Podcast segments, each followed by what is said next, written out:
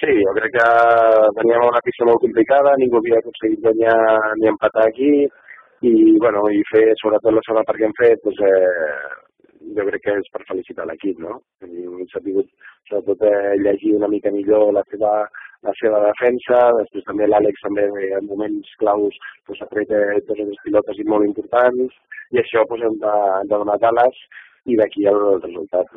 No, jo destacaria la, la defensa, no? Mm, la primera part ha sigut una molt bona defensa, la segona també, vull dir, només ens hem aconseguit fer un gol de, de doble i després una errada que hem tingut.